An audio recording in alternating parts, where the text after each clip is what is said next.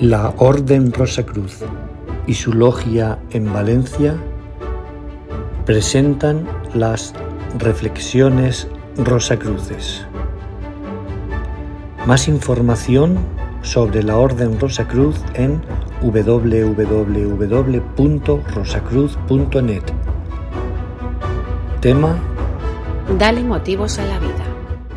Este trabajo lleva por título Dale motivos a la vida una reflexión que las personas se hacen algunas veces cuestionándose ¿Qué motivos debo dar a la vida para merecerme algo? ¿Qué motivo es el causante de que me pase esto? ¿Por qué no llego a alcanzar lo que me propongo aunque me empeñe y haga todo lo posible para conseguirlo? ¿Y qué es lo que pasa en mi vida que no consigo lo que deseo? ¿Es que existen motivos en vidas pasadas para vivir de esta manera la vida? Estas preguntas y muchas más nos hacen reflexionar sobre la finalidad y el motivo de venir a este mundo a vivir y desarrollarnos. Voy a intentar esclarecer o por lo menos compartir lo que pienso al respecto. Como unidad que somos de la creación, no hay nada que esté separado. No existe vacío absoluto entre nosotros, conformando una parte del todo. Las enseñanzas nos dicen que Dios emanó de sí mismo, y en sí mismo lo creado. Es por lo que estamos hechos de la misma sustancia y fuerza vital, y por ello, en comparación, nada es menos importante que cualquier ser viviente, pues lo único que se puede diferenciar en nosotros es el nivel de conciencia que se está expresando en ese momento. Todo ser viviente se encuentra eslabonado. Formamos parte del todo, y cada elemento, ser vivo, partícula, etc., tiene una función primordial en la vida de la unidad. Cuando observamos a nuestro alrededor, nuestro entorno, teniendo en cuenta esto que hemos hablado, nos estamos viendo a nosotros mismos, pues es una proyección de nuestro interior. La energía que lo forma es la misma que la nuestra. De hecho, en física cuántica se ha llegado a decir que todo está compuesto de energía consciente, con inteligencia, capaz de tratar una información ordenada. Estas teorías se van acercando poco a poco más a la realidad que nos rodea. Estamos diciendo que hay energía, que hay inteligencia y hay información, toda la cual es ordenada, es decir, que existe un orden en todo lo existente. Nos falta nombrar el ingrediente maestro en todo este puzzle, la conciencia, la cual existe en cada partícula de la creación. En este trabajo deseo compartir algo sobre la importancia de percibir la conciencia. Según las enseñanzas, el ser humano va acogiendo experiencias en la medida que está en condiciones de recibirlas, en el momento más idóneo para ello y en las precisas circunstancias del cometido que ha elegido hacer en esta vida. Todo ello para bien suyo y de la humanidad, siempre en la medida que pueda aceptarlo y asumirlo en su vida. Esto se llama economía cósmica. El cósmico ahorra energía y las experiencias vienen cuando su efecto se puede vivenciar al máximo o pueda dar impacto en su vida para compensar, pero sobre todo, como he mencionado, para ayudar a una situación conveniente para nuestra evolución consciencial, porque sólo así es la única manera de sacarle partido a nuestra venida a este plano de la dualidad, sencillamente desplegando nuestra vida, asumiéndola para integrarla en nosotros. Por todo ello, las cosas pasan cuando uno está preparado para asumir esa experiencia o vivenciar algo para darnos cuenta y evolucionar en conciencia. Esto me hace pensar que realmente nuestra función es simplemente vivir. Vivir al máximo lo bueno y también lo malo, pues de esta forma tomamos conciencia de la creación material como también el hecho de formar parte del todo, lo cual hace que se conciba por todos y participen de ello también, ayudando a reconocer la grandeza de la creación. Para ello, debemos empezar a conocer más, en esencia, el artífice de nuestra vida, la que en realidad somos nosotros. Es nuestra parte más excelsa, la cual desea vivir a través nuestro, desea vivir lo que ha diseñado, experimentar, percibir y hacerse consciente de la vida que ha proyectado, y así poder contemplarla y asumirla, Por ejemplo, observando un paisaje, disfrutando de un paseo por la playa, cuidando a nuestros seres queridos, sufriendo situaciones que nos hacen descolocarnos y reflexionar a la vez y aprender de ello una infinidad de situaciones que nos hacen creer como hombres y mujeres en el sentido más excelso de la palabra. Pero hay que tener en cuenta nuestras necesidades, ya sean físicas, intelectuales o morales. Todo este compendio de estímulos internos y externos conscientes e inconscientes, nos plantea la necesidad de tener un profundo conocimiento de quiénes somos y cuál es la tarea que venimos a desempeñar en esta vida. De lo contrario, viviremos atrapados dentro de un laberinto que nos impedirá vivir la vida que en realidad nos corresponde y que debemos desarrollar.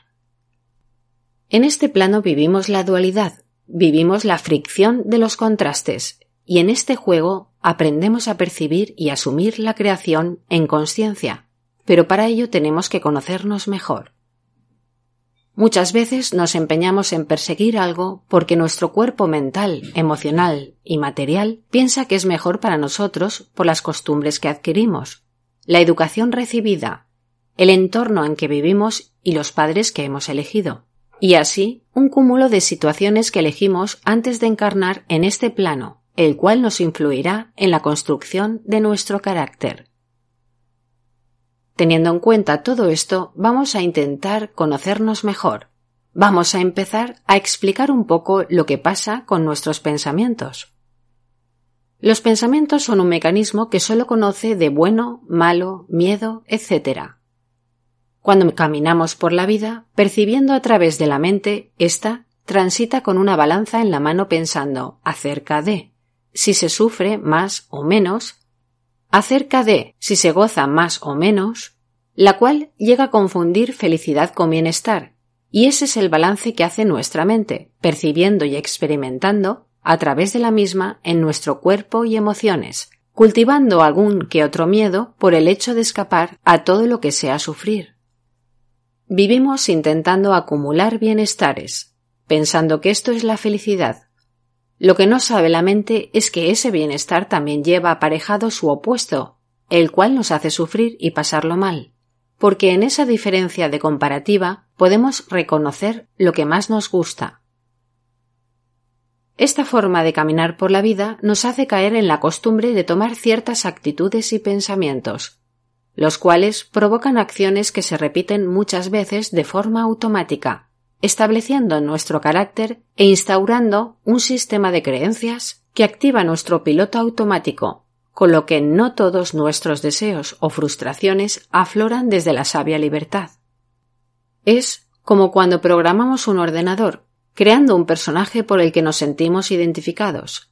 Ese cliché que hemos creado lo proyectamos fuera y al verlo reflejado en nosotros mismos nos identificamos con él asumiendo un escenario distorsionado de la realidad.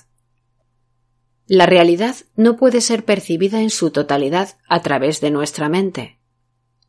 Cuando en estas circunstancias limitadas de la mente ésta recoge el mando de las tendencias automatizadas mencionadas, no la puede llegar a entender. No podemos ver la vida con las gafas de esa mente, porque la mente piensa acerca de y no ve la realidad total.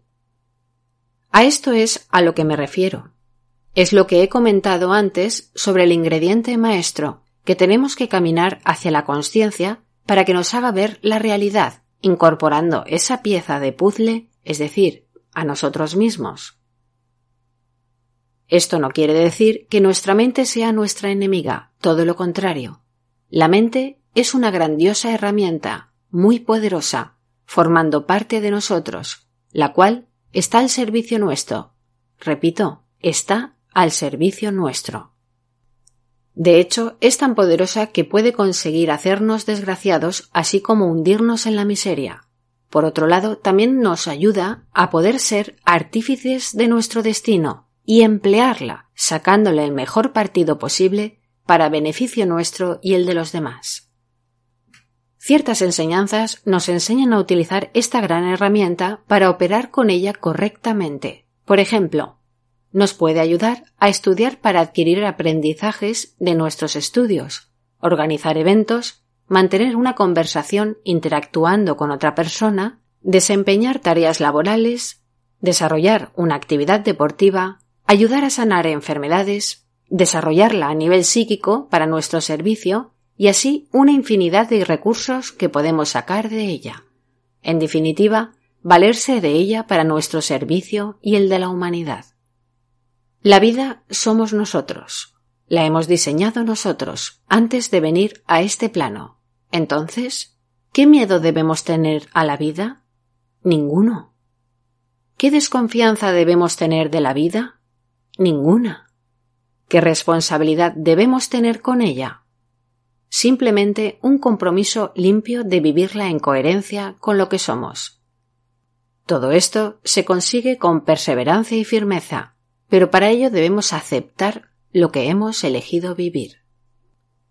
Con esto no me refiero a resignarse, sino a prestarle atención a esa circunstancia que nos viene, quererla y afrontarla para integrarla y no desentenderse de la misma, no meterla en un cajón o apartarla de nosotros, no culpar a otros de lo que nos pasa para evadirse de nuestra responsabilidad, porque si nos evadimos de nuestra vida, en algún momento vuelve a surgir la misma situación, reclamando atención repitiéndose otra vez lo que tenemos que asumir, y que sin duda es lo mejor que nos puede pasar para nuestra evolución consciencial, aunque no lo podemos ver en ese momento y pensemos que es injusto. Sin embargo, en la perspectiva del tiempo, esa situación la vemos de otra manera, y gracias a ella llegamos a ser lo que somos ahora. Entonces, ¿qué es lo que nos pasa que no reaccionamos? ¿Por qué no pasamos a la acción de hacer lo que realmente hemos venido a hacer, en vez de entretenernos en intentar sobrevivir y buscar el bienestar o no averiguar lo que realmente hemos venido a realizar. Esto no lo puede saber nuestra mente como he venido explicando anteriormente. Esto solo se puede averiguar escuchando a nuestro corazón libre, y lo único que tenemos que hacer es tener el valor de hacerle caso. Hay una frase de una escritora famosa que me ha llamado siempre la atención. Dice así Vivir con la confianza depositado en uno mismo es un nuevo desafío para todos nosotros. Al final, toda la responsabilidad de lo que nos pasa en nuestra vida es absolutamente nuestra. Todo depende de nosotros.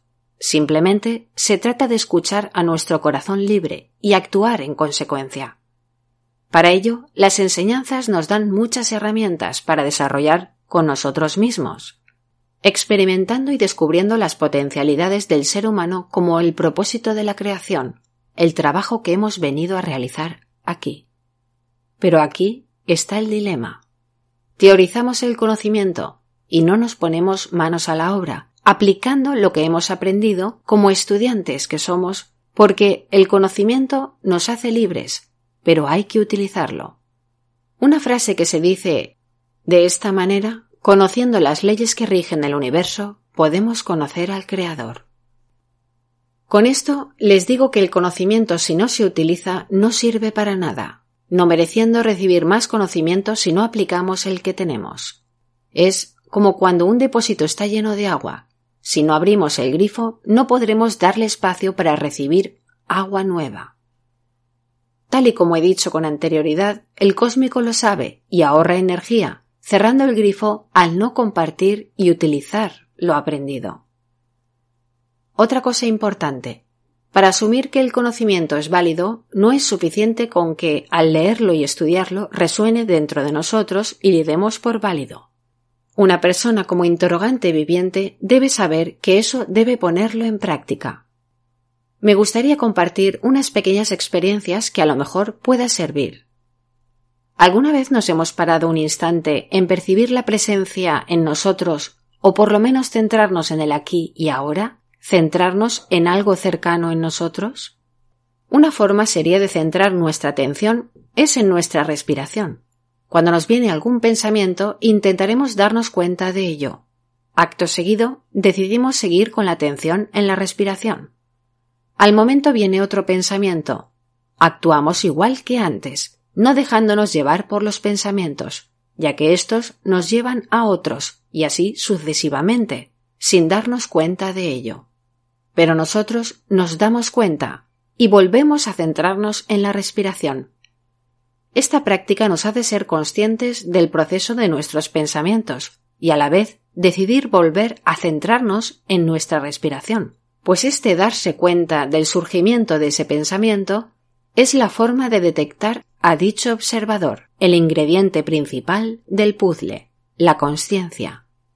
Esto es un breve ejemplo, el cual lo podemos aplicar también en nuestra vida diaria, tomando conciencia de situaciones que pasan en nuestro entorno y sobre todo darse cuenta de nuestro estado emocional, el cual detectamos en ese momento, así como también nuestro estado físico, por ejemplo, si nos duele algo. En definitiva, identificar nuestras sensaciones. Yendo aún más lejos con esta simple experiencia, conseguimos ir identificando nuestra parte observadora, la cual detecta emociones, pensamientos, sentimientos, la forma en que reaccionamos ante una situación, cómo nos sentimos al final, etc. De esta forma podemos identificar cuándo nos dejamos llevar por las circunstancias con el piloto automático, caminando sin control, o por el contrario participar y dirigir la experiencia.